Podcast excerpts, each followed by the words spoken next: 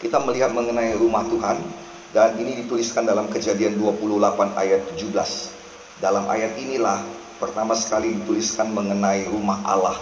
Nah saudara yang kasih dalam nama Yesus ini ceritanya mengenai seorang yang melarikan diri dari rumahnya, mendapat ancaman daripada keluarganya, yang memang dia bersalah, dia menipu, tetapi dia memang betul-betul menginginkan berkat. Seorang yang betul-betul menginginkan berkat, Berapa banyak di sini yang menginginkan berkat dari Tuhan katakan saya ya Tuhan. Dan berkat itu didapatkan di rumah Tuhan. Yang setuju katakan amin. Dan memang dia bersalah karena dia berusaha mendapatkan berkat dengan cara-cara dunia, dengan cara-cara pribadi, dengan cara-cara manusia. Tetapi Tuhan tetap menghargakan dia karena memang dia sungguh-sungguh mencari berkat. Dia bukan orang yang sempurna dan dia ditolak oleh keluarganya, dia melarikan diri dan pada malam hari dia tidur dan dia bermimpi. Orang tersebut adalah namanya Yakub. Yakub artinya penipu. Nah, saudara, orang-orang tidak akan menerima penipu di dekatnya. Orang-orang tidak akan menerima penipu di rumahnya. Orang-orang tidak akan menerima penipu di apa namanya? di bisnisnya. Ini adalah orang yang tertolak. Masyarakat tidak suka kepadanya.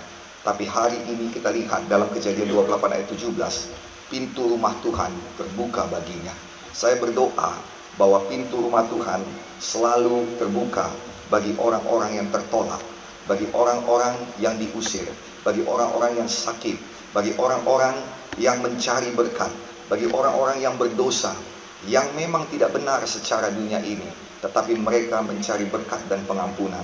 Saya berdoa pintu rumah Tuhan, Gereja Kemenangan Iman Indonesia, selalu terbuka untuk itu. Dan kita, kita berikan tepuk tangan bagi Tuhan Yesus. Dan saya berdoa bukan hanya mereka diterima, tapi mereka juga berubah di rumah Tuhan. Amin saudaraku. Rumah Tuhan bukan sarang penyamun, tapi rumah Tuhan adalah tempat transformasi. Rumah Tuhan bukan rumah rehabilitasi, tetapi rumah Tuhan adalah rumah perubahan. Di mana kita yang miskin boleh datang dan tidak lama kemudian Tuhan pasti berkati dan menjadi berubah hidupnya. Kita yang sakit boleh datang dan tidak lama kemudian bukan menjadi mati tetapi memperoleh kesembuhan dan umur panjang. Kita yang putus asa datang, kita berikan tepuk tangan. Boleh dong, kita berikan tepuk tangan dengan semangat. Terima kasih untuk tepuk tangan untuk Tuhan semuanya itu. Amin saudaraku. Tapi saya juga jadi semangat, sudah lebih kurang enam bulan saya berkhotbah di depan kamera. Apakah saudara bertepuk tangan di rumah? Saya tidak tahu juga saudara ya.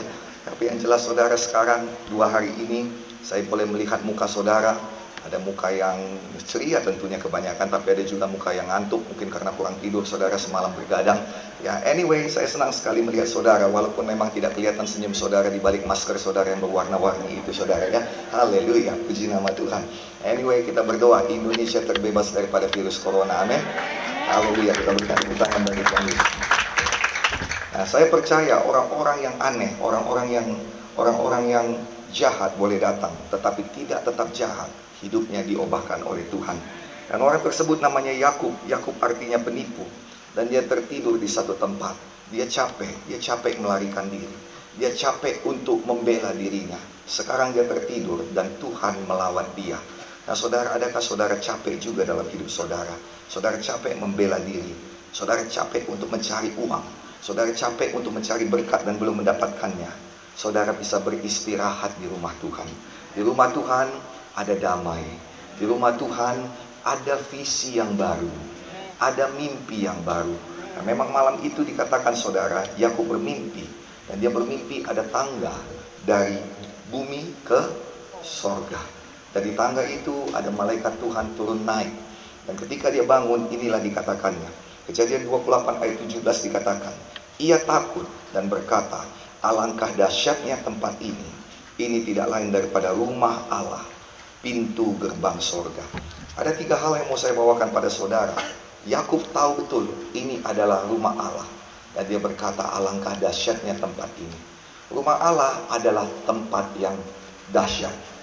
Dan hari ini kita bersuka cita kalau kita mau tepuk tangan sama-sama kita tepuk tangan.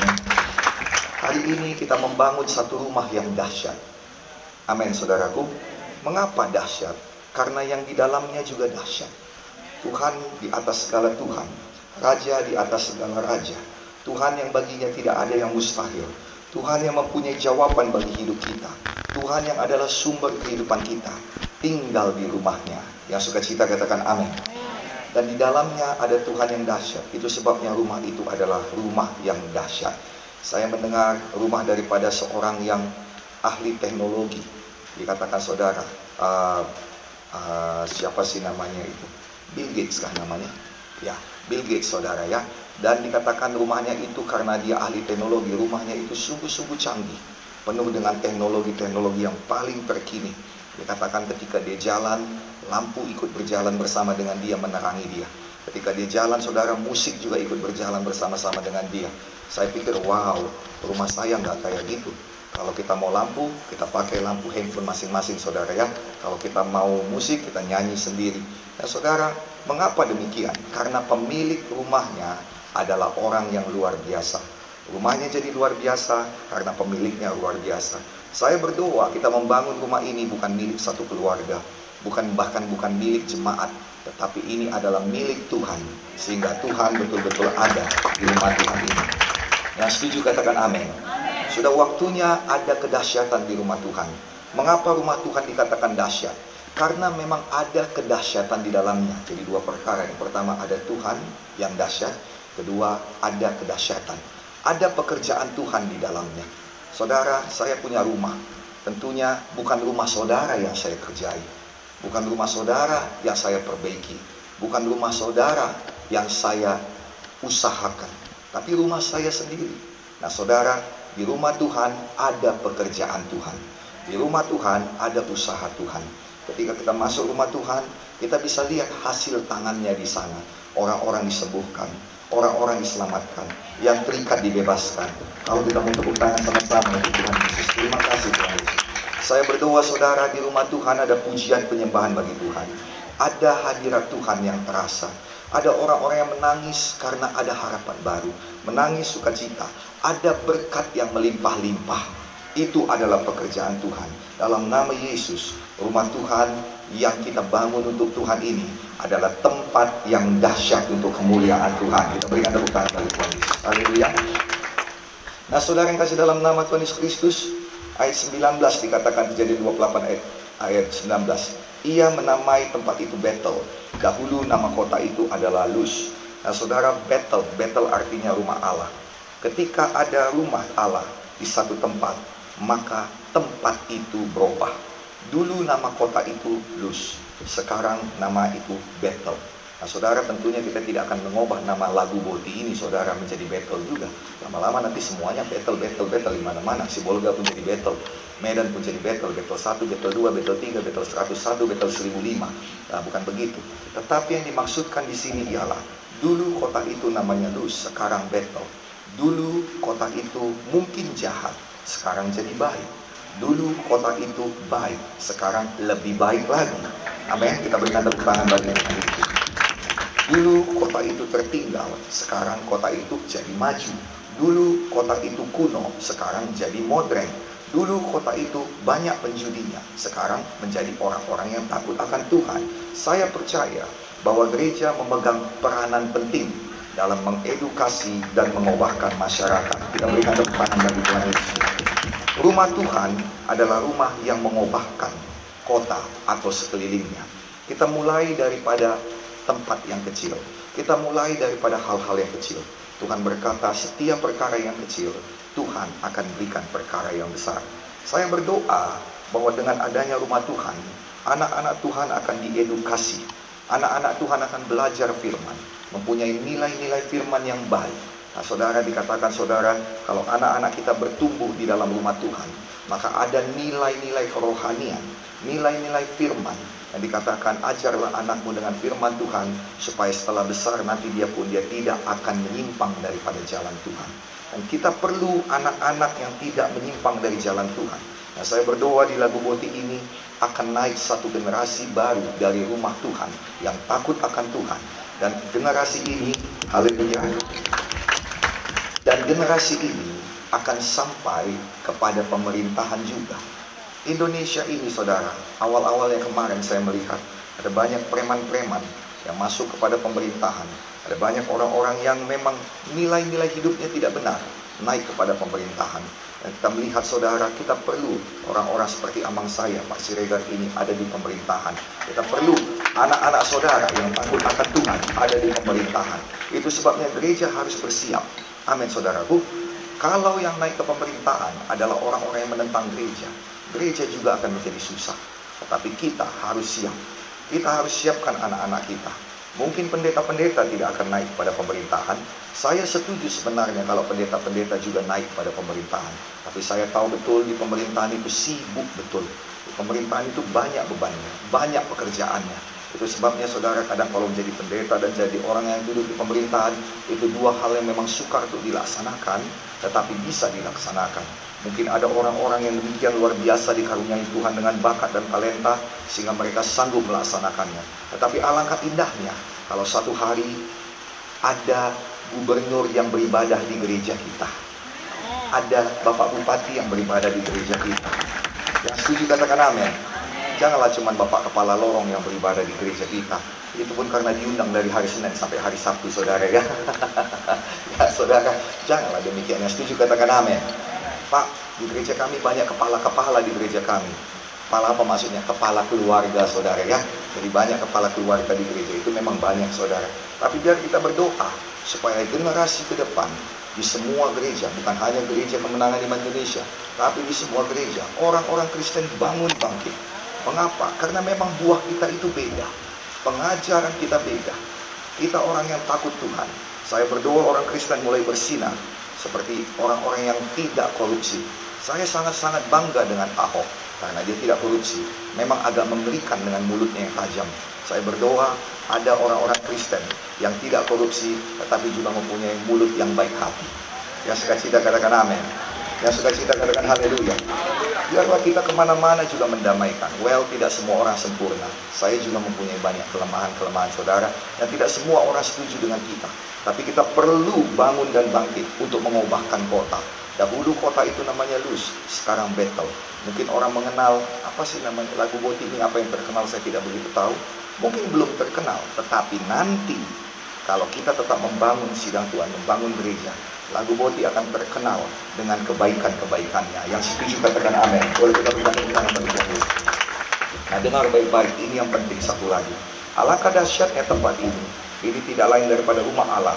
Pintu gerbang sorga. Berapa banyak yang mau masuk sorga katakan saya. Makanya masuk gereja dulu aman. Masuk gereja dulu inang. Masuk gereja dulu saudara-saudari. Haleluya. Haleluya. Nggak ada orang bisa lompat pagar ke sorga. Semua harus lewat pintu gerbang. Yang setuju katakan amin. Itu sebabnya dikatakan di sini, ini adalah pintu gerbang sorga. Nah saudara yang kasih dalam nama Yesus, kalau kita mau ke sorga, harus ada masuk ke gereja. Dengarkan baik-baik. Orang berkata, nggak ada nama gereja nanti di sorga Pak Pendeta. Betul, saya tahu. Nggak ada nama gereja di sorga. Tapi nama gembala ada. Haleluya. Dan di gereja selalu ada gembala si sidang. Siapa gembalamu? Itu penting. Nah saudara dikatakan dalam Yohanes pasal 10, domba-domba mengenal gembalanya. Amin. Dia kenal suara gembalanya. Dan Tuhan Yesus adalah gembala yang agung kita. Di bawah Tuhan Yesus ada gembala-gembala kecil lainnya seperti saya dan di lagu bukti ini ada Bapak Henry Ferdinand Sihombi. Tuhan Yesus memberkati. Ya, jadi saudara penting sekali gereja di hadapan Tuhan. Kalau kita memang mau masuk surga, harus melewati pintu gerbangnya, yaitu gereja Tuhan.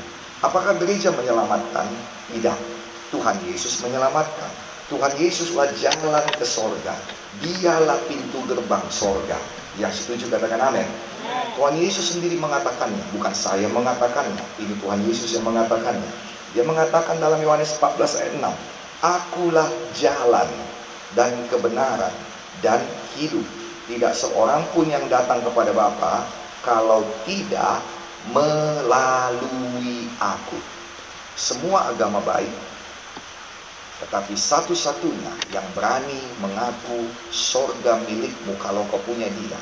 Bukan agama Kristen, tetapi Tuhan Yesus. Hari ini saya membawakan bukan agama. Dan kita tidak ada mau bermaksud mengagamakan Indonesia atau mengkristenisasi Indonesia. Tidak ada. Hari ini kita menawarkan pribadi. Sama seperti Bapak Si Sihombing Gembala Sidang di sini memperkenalkan saya kepada amang saya, Bapak Siregar tadi. Demikianlah saya mau memperkenalkan saudara kepada yang namanya Tuhan Yesus. Saudara bisa berkenalan dengan Tuhan Yesus dan tidak ada ruginya sama sekali, bahkan sangat-sangat menguntungkan. Kenapa? Karena Tuhan Yesus berkata, dia adalah jalan ke sorga dan kita harus melalui dia. Sekali lagi dalam Yohanes 10 ayat 9 berkata, Barang siapa yang masuk melalui aku, ia akan selamat. Jadi Yesus adalah pintu gerbang sorga. Yesus menyelamatkan melalui gerejanya. Berarti di gereja harus ada Tuhan Yesus. Saya berdoa saudara, di gereja kita bukan hanya ada Bapak Pandita, bukan hanya ada penetua, bukan hanya ada peraturan, bukan hanya ada jemaat, dan bukan hanya ada perkumpulan.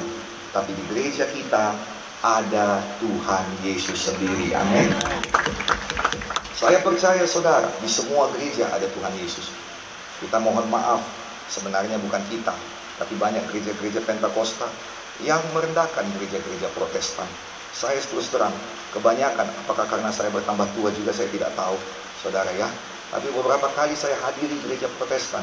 Kemarin kami sama-sama dengan ibu ke GKPI karena ada pernikahan. Dan saya bertemu Yesus di sana. Saya hampir menangis di gereja itu. Tapi karena gereja tersebut tidak seperti seperti kita, boleh menangis kuat-kuat saudara, maka saya tahan tangis saya saudara ya. Saya betul-betul bertemu Yesus. Ketika hamba Tuhan di atas mengangkat tangannya, dan dia berdoa memberkati, saya rasakan Tuhan Yesus datang dan dia penuhi hati saya. Tuhan cinta gerejanya. Gereja apa pun yang memanggil Yesus, Tuhan ada di sana. Saya ada di sini karena Bapak Siombing panggil saya. Jauh-jauh aku datang dari Medan bawa mobil sendiri lagi. Apalagi Yesus. Bapak, Bapak Gideon Munte pun datang kalau dipanggil. Betapa lagi Tuhan Yesus. Setiap kali kita katakan Yesus datanglah. Yesus tolonglah saya. Pasti dia datang. Dari sorga dia pasti datang untuk untuk menolong kita semuanya. Haleluya. Haleluya. Ada peker, ada Tuhan Yesus dalam di gereja dikenal daripada pekerjaannya. Jadi saudara, saya ada di sini dikenal dari pekerjaannya. Nanti ada buktinya, ada fotonya. Saya meletakkan batu pertama. Yang mengerti katakan amin. Demikian juga dengan Tuhan Yesus. Ada di gereja dikenal dengan pekerjaannya. Saya berdoa, kita semua berdoa. Di GKI Lagu Bote ini ada pekerjaan Tuhan Yesus. Biarlah jiwa-jiwa mendapatkan ketenangan di sini. Biarlah jiwa-jiwa diubahkan hidupnya. Saya ulang-ulangi selalu supaya ini dijadikan di dalam nama Yesus. Biarlah orang-orang yang tertolak mendapatkan penerimaan di sini dalam nama Yesus. Biarlah orang-orang yang susah hatinya mendapatkan kelegaan di sini. Biarlah yang sakit disembuhkan, yang terikat dibebaskan, yang berdosa diampuni dosa-dosanya. Jadilah di dalam nama Tuhan Yesus Kristus. Boleh kita berikan tepuk tangan bagi Tuhan. Nah, yang pertama sekali saudara, gereja adalah tempat yang dahsyat. Gereja adalah rumah Allah. Gereja adalah pintu gerbang sorga. Apalagi yang ada di gereja? Kita melihat saudara dalam kejadian 28 ketika Yakub tertidur, bermimpi dan terbangun. Kemudian dikatakan dalam mimpinya, kejadian 28 ayat 13 sampai 15, berdirilah Tuhan di sampingnya dan berfirman, Akulah Tuhan Allah Abraham nenekmu dan Allah Ishak. Tanah tempat kau berbaring ini akan kuberikan kepadamu dan kepada keturunanmu. Keturunanmu akan menjadi debu tanah banyaknya, seperti debu tanah banyaknya, dan kau akan mengembang ke sebelah timur, barat, utara, dan selatan. Dan olehmu serta keturunanmu, semua kaum di muka bumi akan mendapat berkat. Jadi gereja diperuntukkan untuk bangsa-bangsa.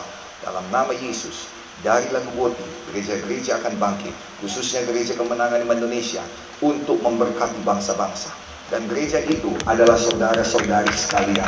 Saya berdoa, orang-orang gereja akan bangun bangkit sampai kepada bangsa-bangsa. Ada orang kelas bangsa-bangsa di sini. Ada pebisnis kelas bangsa-bangsa di sini. Ada pengacara kelas bangsa-bangsa di sini. Ada orang-orang hebat kelas bangsa-bangsa di sini. Jadilah itu di dalam nama Yesus. Yang menerimanya boleh sekali lagi amin yang keras. Amin. Berikan dulu tepuk tangan bagi Tuhan Yesus. Amin. Ayat 15, sesungguhnya aku akan menyertai engkau dan akan melindungi engkau ke mana pun engkau pergi dan membawa engkau kembali ke negeri ini sebab aku tidak akan meninggalkan engkau melainkan tetap melakukan apa yang kujanjikan padamu Nah, kalau saya bawakan ayat ini bisa satu harian saya bawakan berkatnya kepada saudara. Tapi dengan cepat saudara, karena hari ini kita tidak punya satu harian. Yang setuju katakan amin. Amin, setuju. Puji Tuhan. nah, kejadian 28 ayat 13 sampai 15. Apa yang ada di gereja? Di sini dikatakan saudara, ada firman Tuhan. Amin. Ada firman Tuhan. Tuhan berfirman, akulah Tuhan. Ada firman Tuhan. Dan firman Tuhan ini sangat-sangat penting. Mengapa? Karena Tuhan bekerja dengan firman-Nya. Tidak peduli seberapa parahnya hidupmu. Tidak peduli seberapa hancurnya masa depanmu. Tidak peduli seberapa buruknya masa lalumu. Firman Tuhan bisa mengubahkan kita. Alkitab berkata saudara ketika bumi pertama sekali dibentuk oleh Tuhan. Bumi ini sebenarnya chaos, kacau balau, gelap di mana-mana. Dan kemudian dikatakan tidak berbentuk. Nah saudara, adakah saudara melihat masa depanmu hidupmu tidak berbentuk? Adakah pikiranmu gelap? Adakah hatimu gelap? Masa depanmu gelap? Dan semuanya dalam hidupmu kacau? Dikatakan bumi tidak punya tanah, semuanya permukaan air. Tidak ada tempat berpijak. Tidak tahu siapa yang mau dipercayai. Tapi ada kabar baik di situ dikatakan roh Allah sudah melayang-layang di atas permukaan air. Nah, saudara, buruk pun hidup kita, roh Tuhan sudah ada melayang-layang di atas saudara. Apa yang dinantikannya? Dia menantikan firman Tuhan. Di gereja ada firman Tuhan. Dan kalau kita melihat kejadian pasal 1, Alkitab berkata, berfirmanlah Allah, maka sesuatu jadi dan Allah melihat itu baik. Saya berdoa, di gereja ada firman Allah yang hidup firman Tuhan yang hidup. Setiap kali Bapak si Homi membawakan firman Tuhan, maka Roh Kudus bekerja, sesuatu terjadi, dan saudara pulang. Minggu ini jemaat bertambah baik. Minggu depan ada firman, bertambah baik, bertambah baik, bertambah baik. Saya berdoa satu hari kehidupan saudara, keuangan saudara, masa depan saudara, bisnis saudara, jualan saudara, sawah dan ladang saudara, keluarga saudara, anak-anak saudara, pelayanan saudara, semuanya menjadi sungguh amat baik. Jadilah itu di dalam nama Yesus. Haleluya. Nah, Bapak Ibu saudara-saudari, firman Tuhan itu berkuasa, tidak pernah bohong. Dikatakan dalam bilangan 23 19, Allah bukanlah manusia sehingga ia berdusta, bukanlah anak manusia sehingga ia menyesal. Masakan ia berfirman dan tidak melakukannya, atau berbicara dan tidak menepatinya. Bapak Ibu saudara-saudari, firman Tuhan ini banyak ragamnya. Ada yang menjelaskan tentang keadaan kita. Dan ini yang banyak dikhotbahkan oleh banyak pendeta-pendeta sekarang. Saya juga mengkhotbahkannya sekali-sekali. Tetapi ada firman Tuhan yang lebih berkuasa. Dia bukan hanya menjelaskan keadaan kita. Dia tidak menjelaskan keadaan kita yang susah sekarang ini. Dan dia juga tidak menjelaskan keadaan kita mengapa kita mendapat persoalan segala macam COVID-19. Itu jenis firman Tuhan demikian namanya apologetik. Nah saudara, banyak orang yang suka apologetik, saya juga suka apologetik. Tetapi ada satu jenis firman Tuhan yang lainnya, yaitu yang mengubahkan keadaan kita. Nah jenis firman Tuhan yang kedua ini, firman Tuhan yang mengubahkan keadaan kita, dia tidak pernah bersetuju dengan keadaan kita. Firman Tuhan ini tidak diperuntukkan untuk menyetujui keadaan kita saat ini. Tapi firman Tuhan ini diperuntukkan untuk mengubahkan keadaan kita sekarang ini. Yang susah menjadi baik, dan yang baik menjadi lebih baik lagi. Saya berdoa, dua-dua firman Tuhan ini ada di dalam gereja kemenangan Indonesia, khususnya di Lagu Boti. Supaya jemaat tahu mengapa situasi ini terjadi, tetapi jemaat juga tahu bahwa situasi sekarang ini bisa diobahkan oleh Tuhan. Boleh dong kita berikan tepuk dari Tuhan Amin saudaraku. Jadi Tuhan ketika dia berfirman, dia tidak akan berdusta. Pasti ada perubahan. Pasti ada kuasa. Yang setuju katakan amin. Nah, saudara yang kasih dalam nama Tuhan Yesus Kristus, firman Tuhan adalah kehidupan bagi kita. Jadi yang pertama tadi, firman Tuhan adalah janji Tuhan yang tidak pernah gagal. Di rumah Tuhan ada firman. Yang kedua, firman Tuhan adalah kehidupan bagi kita. Matius 4 ayat 4 berkata, manusia hidup bukan dari roti saja, tetapi dari firman yang diucapkan langsung oleh Bapa Sorgawi. Saya berdoa bahwa kehidupan kita ada dari firman juga. Yang setuju lagi katakan haleluya.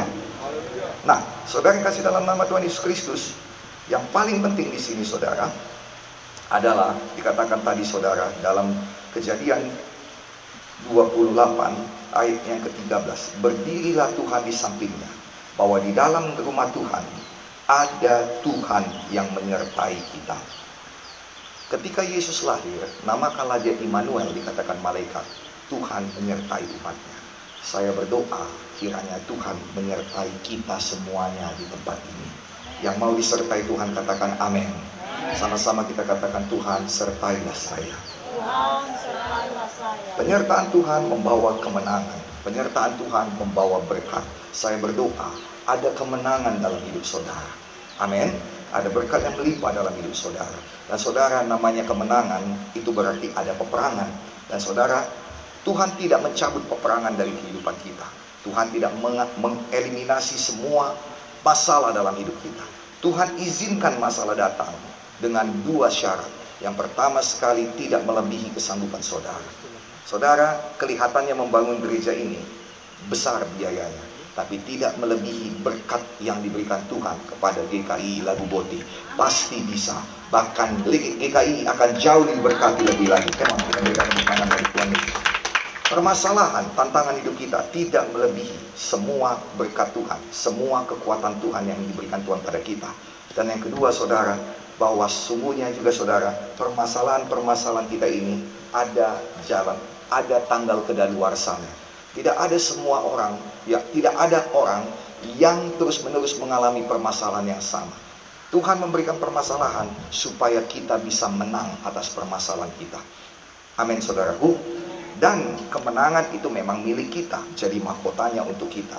Jangan takut kepada masalah, karena masalah dan tantangan hanya membawa kemenangan kepada kita. Yang suka cita katakan amin. Ada penyertaan Tuhan kepada kita. Yang paling luar biasanya, Yakub tidak tahu ada Tuhan bersama dengan dia. Nah ini yang luar biasa dalam arti kata negatif. Jangan sampai saudara tidak tahu ada Tuhan beserta dengan saudara. Kejadian 28 ayat 16. Yakub bangun dari tidurnya dan berkata, sesungguhnya Tuhan ada di tempat ini dan aku tidak mengetahuinya. Ada Tuhan di gereja kemenangan iman Indonesia. Takutlah kita akan Tuhan. Ini gereja milik Tuhan takutlah kita akan Tuhan. Amin saudaraku. Hormatlah kita akan Tuhan. Yang setuju katakan amin. Dan yang satu lagi saudara, yang terakhir, bahwa kita hari ini semuanya membangun rumah Tuhan. Yang setuju katakan amin. Dalam buku Hagai dikatakan pasal 1 saudara. Pasal 1, wah ini panjang, pasal 1 dan pasal 2. Jadi saya ceritakan aja pada saudara. Pada zaman Esra, orang-orang Israel kembali dari pembuangan untuk membangun tembok dan juga untuk membangun bait Allah. Dan mereka begitu bersemangat karena Tuhan membukakan jalan kepada mereka. Pemerintah-pemerintah membukakan jalan bagi mereka. Ya saudara, jadi saudara yang kasih dalam nama Yesus, mereka betul-betul bersemangat. Tetapi sayangnya di tengah jalan, semangat itu hilang. Lalu yang mereka bangun adalah rumah-rumah mereka. Tetapi rumah Tuhan mereka tidak bangun. Lalu datanglah Nabi Hagai dan dia berkata, lihatlah rumahmu sudah bagus, tapi rumah Tuhan masih belum baik. Mengapa rumah-rumah mereka bagus? Karena memang Tuhan pasti memberkati orang yang membangun rumah Tuhan. Tetapi jangan sampai hilang fokus. Saya mau berkata pada saudara, Tuhan pasti memberkati saudara mulai saat ini. Amin. Tapi jangan hilang fokus. Jangan hilang fokus. Mari kita bangun rumah Tuhan dan kita selesaikan pembangunan rumah Tuhan. Yang setuju katakan amin. Kalau kita tidak menyelesaikannya, maka Tuhan berkata dalam Hagai pasal 1, Aku yang menjadi musuhmu. Engkau bekerja, tapi engkau tidak akan mendapatkan hasil. Saya berdoa, itu tidak terjadi bagi semua jemaat Tuhan di GKI dan Boti ini. Tidak terjadi bagi kita semuanya. Yang setuju katakan amin. Kita mau membangun rumah Tuhan dan kita perhatikan rumah Tuhan. Amin saudaraku. Dan saudara kasih dalam nama Yesus selalu diperingatkan oleh Nabi Hagai. Dan mereka mau mendengarkan. Lalu mereka mulai membangun rumah Tuhan itu. Dan kemudian saudara apa yang terjadi? Mereka sedih. Mengapa mereka sedih? Karena mereka selesai membangunnya, tetapi tidak seperti rumah Tuhan yang dahulu. Rumah Tuhan yang dahulu penuh kemuliaan. Tapi mereka tidak sanggup. Mungkin saudara berpikir, inilah kesanggupan kami cuma membangun rumah Tuhan. Tetapi kami belum sanggup membeli peralatannya. Kami belum sanggup untuk membuatnya indah, hebat sekali.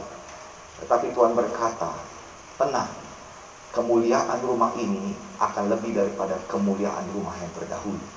Dan Tuhan berkata begini, sedikit waktu lagi aku akan menggoncangkan bangsa-bangsa, sehingga barang-barang yang indah, yang mahal, itu akan mengalir ke rumah Tuhan.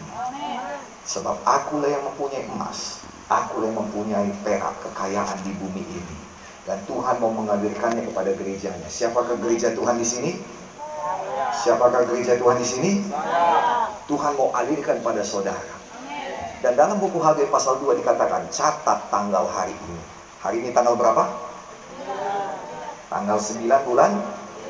Tanggal 9 bulan 9. Amin. Ini hari berbahagia. Haleluya. Saya tidak akan kasih tahu kepada saudara kenapa saya bahagia. Nanti saudara cari tahu sendiri. Haleluya. Yang jelas saya bahagia hari ini dan juga saya bahagia bisa meletakkan batu pertama hari ini. Yang suka cita katakan amin. Tanggal 9 bulan 9 catat dikatakan firman Tuhan. Kenapa? Karena mulai hari ini aku akan memberkati kalian semua dikatakan firman Tuhan. Kita berikan tepuk tangan bagi Tuhan Yesus. Haleluya. Haleluya. Nah, saudara kasih dalam nama Tuhan Yesus Kristus. Uh, jadi saudara, apa yang dikatakan firman Tuhan dalam buku Hagai? Dikatakan begini. Jadi naiklah ke gunung, bawalah kayu dan bangunlah rumah. Di sini dituliskan dengan huruf besar ya. Bangunlah rumah itu, maka aku akan berkenan kepadanya dan menyatakan kemuliaanku di situ. Mari kita bangun rumah Tuhan dan kita pasti diberkati oleh Tuhan. Mari kita memberi kepada Tuhan. Hari ini saya berdoa bahwa semua kita yang memberi pasti akan diberkati Tuhan. Dalam nama Yesus saya deklarasikan dan saya berdoa bahwa semua kita yang memberi sebelum tahun ini berakhir Tuhan akan mengerjakan mukjizat keuangan yang luar biasa bagi saudara. Boleh dong kita berikan tepuk bagi Tuhan Yesus. Dalam nama Yesus bagi semua kita yang memberi sebelum tahun ini berakhir, apa yang dicuri setan sepanjang 5-6 bulan karena COVID ini, segala kesusahan, segala sesuatu kekurangan yang disebabkan oleh setan karena COVID ini, sebelum tahun ini berakhir, sudah dikembalikan dua kali ganda oleh Tuhan. Boleh kita berikan tepuk tangan bagi Tuhan Yesus. Nah saudara, mari kita memberi. Dan saya bukan berkata-kata sembarangan. Saya punya impresi yang sangat kuat di hati saya. Bahwa kalau memang, karena banyak jemaat yang berkata, Pak tolong doakan, Pak tolong doakan, Pak tolong doakan. Bahkan kami juga sendiri berdoa. Nah saudara dan kami melihat bahwa setiap kali kami berdoa, seminggu paling lama dua minggu setelah itu datang laporan, Pak terima kasih, doa kita sudah dijawab Tuhan Pak. Ini yang terjadi, bahkan lebih lagi.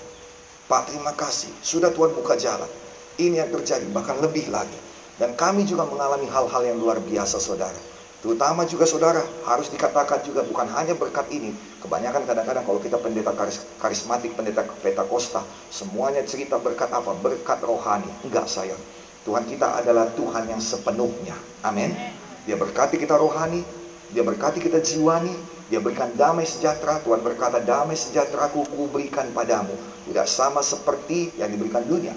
Dia juga adalah Tuhan kita yang memberkati secara badani, Dikatakan oleh bilur-bilur Yesus engkau sudah sembuh. Disampaikannya firmannya dan disembuhkannya mereka. Badani juga diberikan Tuhan. Dan juga Tuhan kita adalah memberikan berkat materi. Allahku akan memenuhkan semua kebutuhanmu di dalam Kristus Yesus. Sesuai dengan kekayaan dan kemuliaannya. Sesuai Kristus Yesus Tuhan kita. Jadi Tuhan kita adalah Tuhan yang semuanya bagi kita. Amin.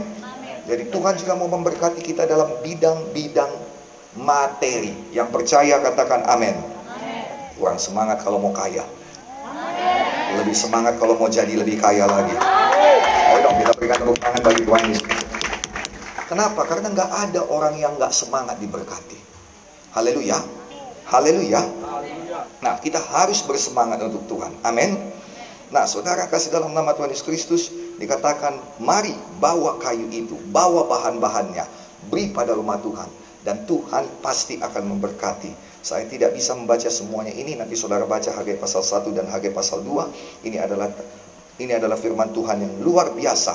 Dan untuk itu Hagai pasal 2 ya Hagai pasal 2 ayat 5, 6, 7, 8, 9. Saya mau bacakan pada saudara. Dengar baik-baik. Kuatkanlah hatimu, hai Zerubabel. Kuatkanlah hatimu, GKII lagu boti. Demikian firman Tuhan. Kuatkan hatimu, Hai hamba Tuhan di sini Bapak Siombing. Imam besar di sini. Kuatkan hatimu, hai semua jemaat lagu boti. Demikianlah firman Tuhan. Bekerjalah sebab aku menyertai kamu. Demikianlah firman Tuhan semesta alam. Aku menyertaimu sesuai dengan janji yang telah kuikat dengan kamu ketika aku menyelamatkanmu dan rohku tetap tinggal di tengah-tengahmu. Janganlah engkau takut sebab beginilah firman Tuhan semesta alam kepadamu di lagu boti ini. Sedikit waktu lagi maka aku akan menggoncangkan langit dan bumi, laut dan darat. Aku akan menggoncangkan segala bangsa, sehingga barang yang indah-indah kepunyaan segala bangsa datang mengalir. Jadi nggak putus-putus dia, banyak betul mengalir. Maka aku akan memenuhi rumah ini dengan kemegahan. Firman Tuhan semesta alam. Engkau harus tahu bahwa kepunyaan kula perak, kepunyaan kula emas. Demikian firman Tuhan semesta alam. Tuhan mau memberkati kita. Pertanyaannya sederhana apakah engkau siap diberkati? Sekali lagi dong, apakah engkau siap diberkati? Biar Tuhan dengar sekali lagi, apakah engkau siap diberkati? Amin. Dengarkan baik-baik. Siapkan persembahanmu, siapkan hatimu, dan siapkan dirimu untuk diber. Itu penting. Karena banyak orang jatuh bukan karena masalah, tapi banyak orang jatuh karena ber banyak orang bertengkar bukan karena masalah, tapi banyak orang bertengkar karena ber berkat. Anak saya saudara empat, belum ada kue, belum bertengkar. Sudah ada kue, baru bertengkar. Saya sebagai bapak sedih melihatnya. Saudara adalah anak Tuhan, belum ada berkat, doa syafaat bersahati, doa semalaman sama-sama Doa keliling rame-rame. Udah banyak berkat nanti, cakar-cakaran. Paulus berkata, hati-hati, jangan sampai kau saling menggigit dan saling ya saudara tahu. Saya nggak suka ayat itu. Yang mengerti katakan amin. Banyak gereja yang tidak mempersiapkan dirinya untuk berkat. Sayang, kalau berkat yang kecil itu pun sudah buat kau berantem. Gimana bisa kita jadi konglomerat? Mari berubah. Haleluya. Haleluya. Haleluya. Shalom. Nah, nanti Bapak Pendeta Siombing beritahu pengajarannya itu. Haleluya. Diberkati engkau. Amin saudaraku. Nah, jadi saudara siapkan diri. Siapkan diri, siapkan maaf, siapkan hati, siapkan persembahan dan juga siapkan diri untuk berkat. Karena sebelum tahun ini berakhir, dalam nama Yesus ada berkat Tuhan yang luar biasa mengalir pada saudara. Yang suka cita katakan amin. Nah Bapak Ibu Saudara-saudari, demikianlah firman Tuhan bagi kita semuanya. Kita akan segera meletakkan batu pertama. Saya sangat suka cita karena hari ini saya bisa berkhotbah 40 menit, nggak sampai 40 menit. Ya, dan biarlah demikian seterusnya. Haleluya. Saya harus berlatih karena protokol kesehatan berkata bahwa ibadah kita paling lama harus satu setengah jam.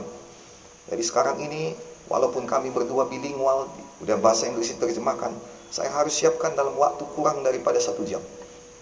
Jadi saudara saya, makanya tadi saya katakan tunggu sebentar, saya menyiapkan waktu saya. Sekarang 38 menit 16 detik. Haleluya.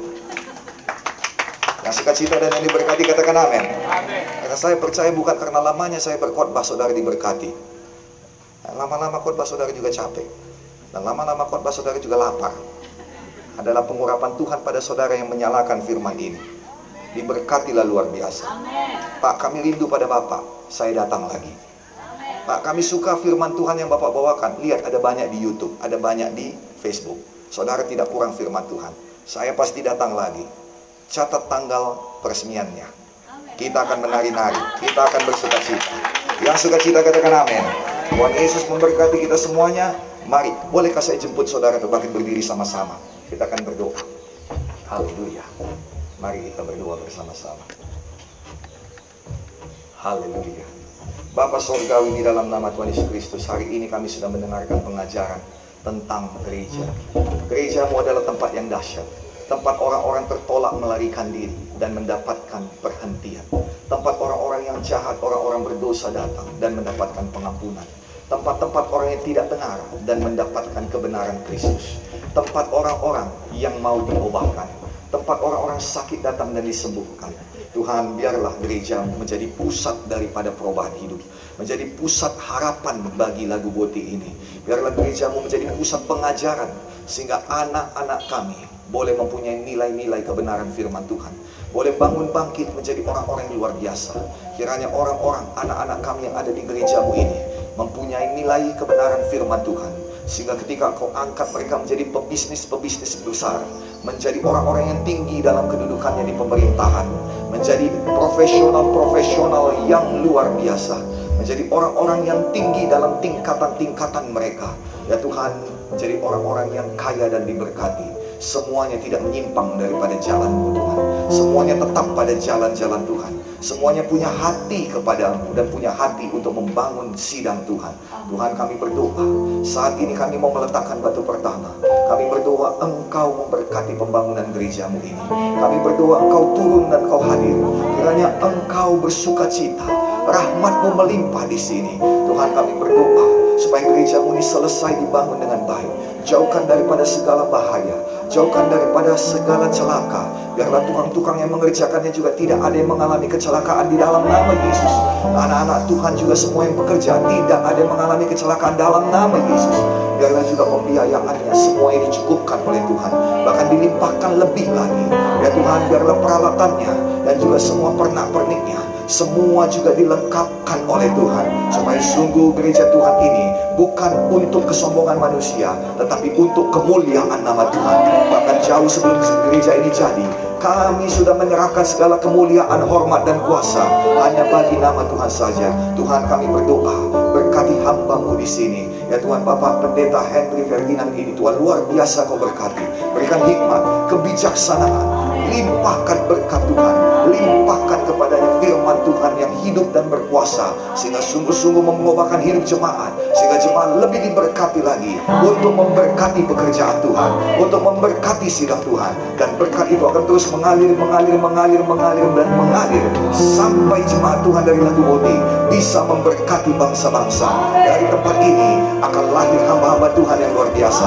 Anak-anak dari tempat ini akan sekolah, akan mendapatkan beasiswa di luar negeri, akan berbisnis sampai pada ke luar negeri, akan membawa firman Injil Tuhan sampai ke luar negeri. Apa berdoa Tuhan, ada banyak orang-orang yang akan dibanggakan dari tempat ini. Jadilah dalam nama Yesus, akan banyak orang-orang yang mempermuliakan nama Tuhan dari tempat ini. Di dalam nama Tuhan Yesus Kristus. Bapak Surgawi kami berdoa, berkatilah pemerintah setempat di sini Tuhan, yang telah mengizinkan kami, bahkan merestui kami untuk boleh untuk boleh membangun gereja bahkan hari ini bersama-sama dengan kami untuk boleh meletakkan batu pertama Tuhan berkatilah Bapak Bupati berkati seluruh jajaran pemerintahnya Bapak Camat Bapak Kepala Desa Bapak Kepala Lorong berkati semua tokoh-tokoh masyarakat yang ada di sini hamba-hamba berkati semua gereja-gereja yang ada di sini khususnya gereja HKBP Tuhan. Engkau memberkati dengan luar biasa. Dalam nama Yesus semuanya kami gereja-gereja di sini dilindungi oleh Tuhan. Tidak ada satupun di antara terkena COVID-19 atau virus corona. Semuanya sehat, semuanya kuat, semuanya dikaruniakan panjang umur di dalam nama Yesus. Terpujilah nama Tuhan. Jemaat Tuhan yang ada di GKI Lampung Boboti ini juga diberkati Tuhan dengan luar biasa. Dan sungguh-sungguh Tuhan, gerejamu Tuhan di Lagu Boti ini betul-betul menjadi pusat daripada pekerjaan Tuhan. Jadilah di dalam nama Tuhan Yesus Kristus, dalam nama Yesus kami berdoa dan mengucap syukur. Dan Tuhan hari ini kami persilakan Engkau bekerja. Hari ini Tuhan kami berdoa supaya Engkau tolong kami. Supaya Engkau sembuhkan kami. Supaya Engkau bekerja pada kami. Selamatkan kami Tuhan. Dan untuk pekerjaanmu yang indah, segala kemuliaan, hormat, dan kuasa hanya bagi nama Tuhan Yesus saja. Dalam nama Tuhan Yesus kami berdoa. Haleluya. Bapak, Ibu, Saudara-saudari yang dikasih oleh Tuhan Yesus Kristus. Gereja Kemenangan di Indonesia tidak pernah mengadakan ibadah tanpa mendoakan jemaatnya. Kita percaya bahwa di tempat ini kita butuh Tuhan Yesus. Yang butuh Tuhan Yesus katakan saya ya Tuhan. Nah saudara, yang pertama sekali kita butuh Tuhan Yesus untuk mengampuni dosa-dosa kita. Yang kita tahu Tuhan Yesus mengampuni dosa, kita katakan saya ya Tuhan. Mari sama-sama kita minta Tuhan mengampuni dosa-dosa kita. Mari kita sama-sama taruh tangan kiri kita di dada, angkat tangan kanan kita ke atas. Mohon sama-sama kita ucapkan doa ini dengan sepenuh hati dalam nama Yesus katakanlah, Oh Tuhan Yesus, Oh Tuhan Yesus, saya percaya padamu. Saya percaya padamu. Saya butuh Engkau. Saya butuh Engkau. Masuklah dalam hati saya. Masuklah dalam hati saya. Jadilah Tuhan dan Juru Selamat saya. Jadilah Tuhan dan Juru Selamat saya. Penolong dan penebus saya. Saya. Ampunilah dosa-dosa saya. Ampunilah dosa-dosa saya. Dan sucikanlah saya Dan sucikanlah saya. dengan darah Yesus. Dengan darah Yesus. Mulai hari ini, Mulai hari ini. saya lahir baru Saya lahir baru. dan menjadi anak-anak Bapa Sorgawi. Dan menjadi anak Bapa Surgawi. Saya berjanji Saya berjanji. mengikut Tuhan Yesus Mengikut Tuhan Yesus. seumur hidup saya. Seumur hidup saya. Apabila saya jatuh, Tuhan, angkat saya kembali. Jangan tinggalkan saya. Sertailah saya. Berkatilah saya. Tuntunlah saya. Jadikanlah ini untuk kemuliaan namamu. Untuk kemuliaan. Dalam nama Tuhan Yesus, saya berdoa dan saya terima jawaban doa. Dalam nama Yesus, saya lahir baru. Terima kasih Tuhan Yesus. Semua kita yang percaya sepakat berkata, Amin. Kita berikan tepuk tangan bagi Tuhan Yesus. Bapak Ibu Saudara-saudara yang dikasih oleh Tuhan Yesus Kristus, kalau kita mengucapkan doa ini, Alkitab mengatakan bahwa kita diampuni dosanya oleh Tuhan. Ini yang paling penting. Haleluya. Tidak apa-apa kita mengucapkan doa ini. Setiap kali kita berdosa, Tuhan pasti ampuni. Tetapi jangan mengucapkan doa ini supaya kita bisa berbuat dosa lagi. Karena ada pekerjaan kita yang harus kita lakukan. Kita harus bertumbuh dalam Tuhan. Amin saudaraku. Kita harus jadi berkat bagi sekeliling kita. Dan saya berdoa hari ini jemaat Tuhan tidak jatuh bangun dalam dosa tetapi semakin bertumbuh dalam Tuhan. Tepuk tangan bagi Yesus. Dan hari ini ada sedikit waktu kita. Adakah di antara Bapak Ibu Saudara-saudari yang perlu didoakan? Khususnya jemaat Tuhan di Lagu Boti ini. Hari ini ada banyak hamba-hamba Tuhan bersama dengan kita. Kami mau mendoakan saudara. Ada waktu kita sekitar 3 sampai 5 menit. Kalau ada hamba-hamba Tuhan, maaf, kalau ada anak-anak Tuhan yang mau didoakan, saya juga di sini mau berdoa bagi saudara. Bagi saudara yang mau didoakan, bolehkah datang ke depan ini sebentar saja? 2-3 menit bagi Bapak Ibu Saudara-saudari yang tidak didoakan mesti persilakan duduk dan berdoalah bagi kami ke depan ini. Mari hamba-hamba Tuhan dari cabang-cabang boleh datang ke depan untuk boleh berdoa bagi semua anak-anak Tuhan yang ada di sini. Saya persilakan hamba-hamba Tuhan. Mari ini ada opung kita datang. Tuhan memberkati opung. Tuhan tolong. Haleluya. Ya, mari ya bersama-sama mari hamba-hamba Tuhan. Haleluya. Terima kasih. Mari kita nyanyikan pujian kita. Saya persilakan.